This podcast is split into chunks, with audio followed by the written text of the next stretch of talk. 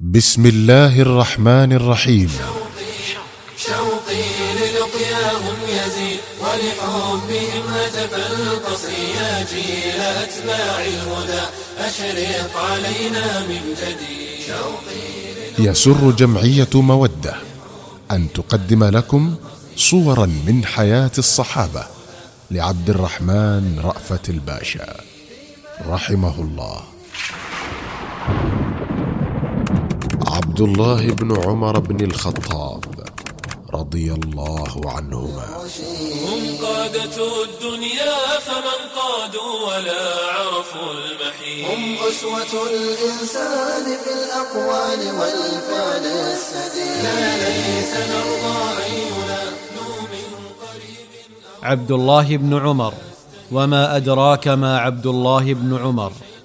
أما أبوه فهو أمير المؤمنين. وثاني الخلفاء الراشدين عمر بن الخطاب. وأما أمه فهي السيدة الرصان الرزان زينب بنت مضعون. وأما أخته فهي حفصة إحدى أمهات المؤمنين.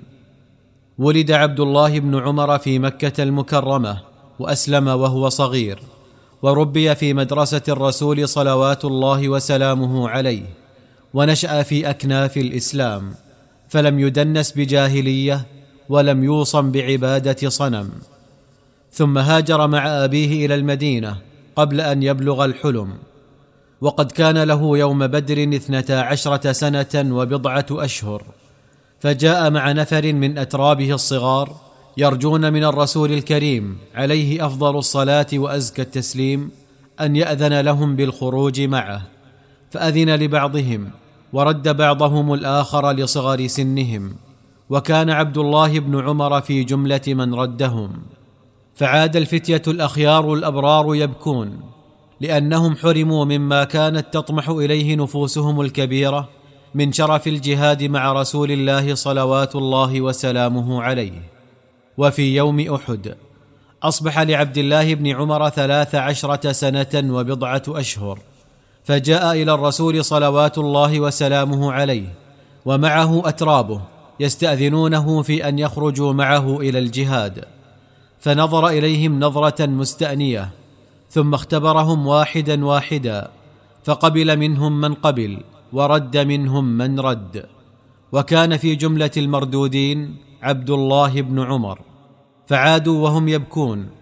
لأن صغر اعمارهم قد حال دونهم ودون الجهاد في سبيل الله. وفي يوم الخندق أصبح لعبد الله بن عمر خمس عشرة سنة فجاء هو وطائفة من أترابه يجرون سيوفهم على الأرض ويمدون قاماتهم إلى أعلى ويسألون النبي عليه الصلاة والسلام أن يأذن لهم بالجهاد فأذن لهم هذه المرة.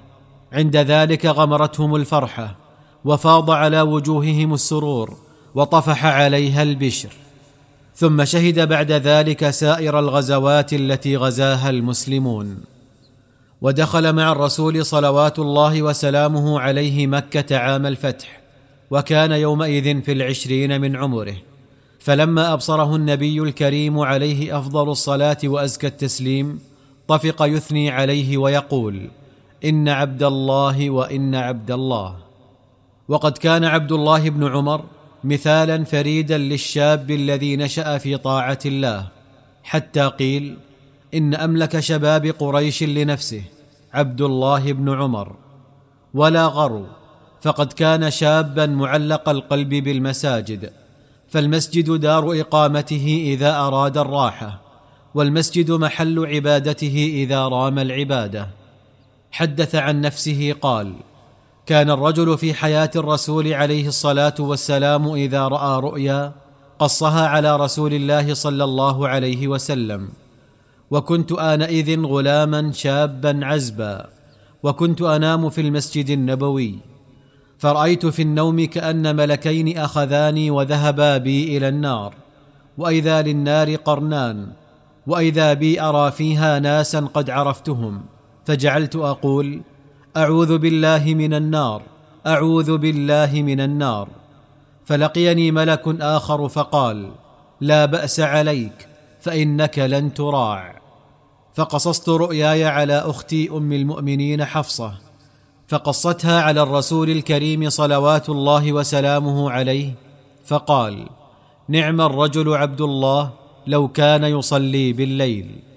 فما إن سمع ذلك حتى عقد العزم على الا ينام من الليل إلا قليلا. فكان إذا أسلم الناس جنوبهم إلى المضاجع يصلي ما يشاء الله أن يصلي ثم يصير إلى الفراش فيغفو اغفاءه الطائر ثم يقوم فيتوضأ ويصلي ثم يغفو اغفاءه الطائر وكان يفعل ذلك في الليل أربع مرات أو خمس مرات. ولقد شهد كرام الصحابة لعبد الله بن عمر بالصلاح وصدق الفتى العمري شهادتهم فيه وحققها بأفعاله. فقد روي عن جابر أنه قال ما منا من أحد أدرك الدنيا إلا ومالت به ومال بها غير عبد الله بن عمر ولما لحق عمر بن الخطاب رضوان الله عليه بالرفيق الأعلى وآلت الخلافة إلى ذي النورين عثمان بن عفان أراد أن يكل أمر القضاء إلى عبد الله بن عمر فقال له اقض بين الناس يا عبد الله فإنك من أفقه المسلمين بدين الله وأوسعهم رواية لحديث رسول الله صلى الله عليه وسلم فأبى ذلك أشد الإباء وقال لا أقضي بين اثنين ولا أؤم اثنين فقال إن أباك كان يقضي بين الناس والرسول عليه الصلاة والسلام حي فما يمنعك أنت؟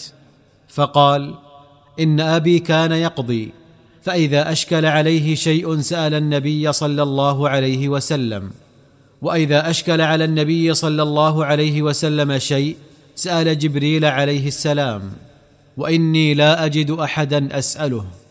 ثم قال له أما سمعت النبي عليه الصلاة والسلام يقول من عاذ بالله فقد عاذ بمعاذ أي لجأ إلى ملجأ ولاذ بملاذ حقا. فقال بلى لقد سمعته. فقال إني أعوذ بالله أن تستعملني على القضاء. فأعفاه عثمان من ذلك وقال له لا تخبر بهذا أحدا. فالمسلمون بحاجة لمن يقضي بينهم بالعدل. ولم يكن عبد الله بن عمر عابدا زاهدا فحسب وإنما كان مع ذلك جنديا مجاهدا. فغزا مع جيوش المسلمين كلا من الشام والعراق والبصرة وفارس. وشهد مع عمرو بن العاص فتح مصر وأقام فيها ردحا من الزمن فروى عنه الحديث ما يزيد على أربعين من أهلها. ولما ثارت الفتنة بين علي بن أبي طالب ومعاوية بن أبي سفيان رضي الله عنهما جعل بعض الناس يلتمسون للخلافة رجلا غيرهما فتوجه نفر من ذوي الحل والعقد إلى عبد الله بن عمر وقالوا هات يدك نبايع لك فإنك سيد العرب وابن سيدها وخير الناس وابن خير الناس. فقال ما أنا بخير الناس ولا ابن خير الناس ولكني عبد من عباد الله أرجو الله وأخافه. والله لا تزالون تطرون الرجل حتى تهلكوه. وإذا بايعتموني أنتم فكيف أصنع بأهل المشرق؟ قالوا يبايعونك أو تقاتلهم حتى يدينوا لك بالولاء. فقال والله ما أحب أن الخلافة دانت لي سبعين سنة. وأنه قتل بسبب رجل واحد من المسلمين.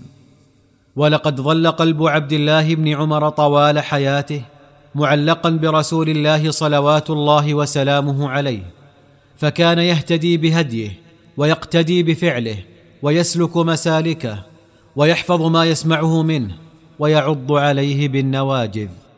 وما ذكر الرسول عليه الصلاة والسلام أمامه مرة إلا بكى لفراقه. وقد كان إلى ذلك شديد الخشية من الله وكانت عيناه تفيضان من الدمع لقراءة القرآن فما تلا قوله تعالى ألم يأن للذين آمنوا أن تخشع قلوبهم لذكر الله إلا غلب عليه البكاء؟ وفي ذات مرة قرأ عبيد الله بن عميرة أمامه قول الله عز وجل فكيف إذا جئنا من كل أمة بشهيد وجئنا بك على هؤلاء شهيدا؟ يومئذ يود الذين كفروا وعصوا الرسول لو تسوى بهم الأرض ولا يكتمون الله حديثا. فجعل يبكي أشد البكاء ويذرف سخي الدمع حتى تبللت ثيابه وكاد البكاء يقطع نياط قلبه. وكان في المجلس رجل فأشفق عليه حتى هم بأن يقوم إلى القارئ ويقول له أقصر فإنك قد آذيت الشيخ. ولقد كان كثير من طلاب المعرفة يكتبون إليه راغبين في أن يزودهم بخالص نصحه وثمين إرشاده فكان يجيبهم عن طلبهم بكلمات باقيات على الدهر.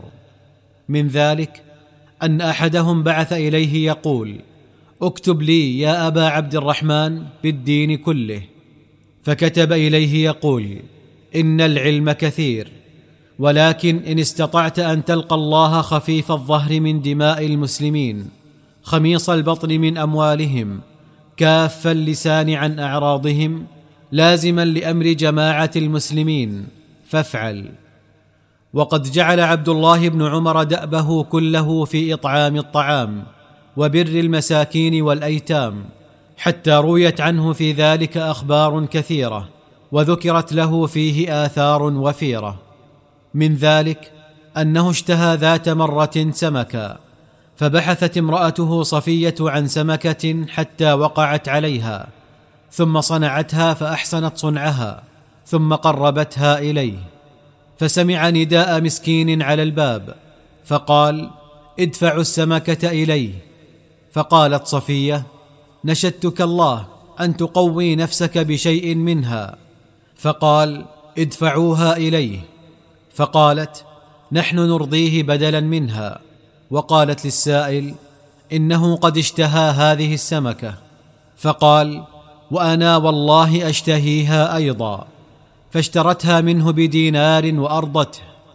ثم قالت لزوجها إنا قد أرضينا السائل وأجزلنا عطيته. فقال له هل أرضوك ورضيت وأخذت الثمن؟ فقال نعم. فالتفت إلى أهله وقال الآن ادفعوها إليه. وقد عوتبت امرأته في أمر هزاله فقيل لها أما ترفقين بهذا الشيخ؟ فقالت وما أصنع به والله ما أعددت له طعاما إلا دعا إليه من يأكله. فأرسلت إلى المساكين الذين كانوا يجلسون في طريقه إذا خرج من المسجد وأطعمتهم وقلت لهم لا تجلسوا في طريقه. فلما جاء إلى بيته قال أرسلوا طعاما إلى فلان وفلان. فقلت لقد أرسلنا إليهم بما تريد وأكثر مما تريد. فقال بل إنكم أردتم ألا اتعشى الليلة. ثم نهض ولم يأكل شيئا. ولقد كان عبد الله بن عمر إلى ذلك كله يتقرب إلى الله عز وجل بكل وسيلة. فما استحسنت نفسه شيئا من مال أو متاع إلا وتصدق به وقد عرف أرقاؤه ذلك فجعلوا يحتالون به عليه فإذا تاقت نفس أحدهم إلى العتق شمر عن ساعديه للعبادة ولزم المسجد فإذا رآه على هذه الحال استحسنها منه وأعتقه فيقول له أصحابه يا أبا عبد الرحمن إنهم يريدون أن يخدعوك بعبادتهم هذه. فيقول من خدعنا بالله انخدعنا له. ولقد كان في كثير من الأحيان لا يكتفي بإعتاق العبد وإنما يغدق عليه من المال ما ييسر له سبل العيشة الراضية. من ذلك ما أخبر به عبد الله بن دينار. قال خرجت مع عبد الله بن عمر إلى مكة نبتغي العمرة. فعرسنا في بعض الطريق فانحدر علينا راع من الجبل فأراد ابن عمر أن يختبره فقال أمملوك أنت؟ قال نعم. فقال بعني شاة من الغنم وإذا سألك سيدك عنها فقل أكلها الذئب. فقال وأين الله عز وجل؟ فبكى عبد الله بن عمر وقال نعم. أين الله عز وجل؟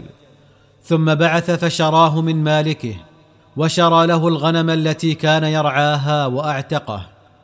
وأخيرا وليس اخرا فقد كان عبد الله بن عمر جوادا لا تمسك يداه المال.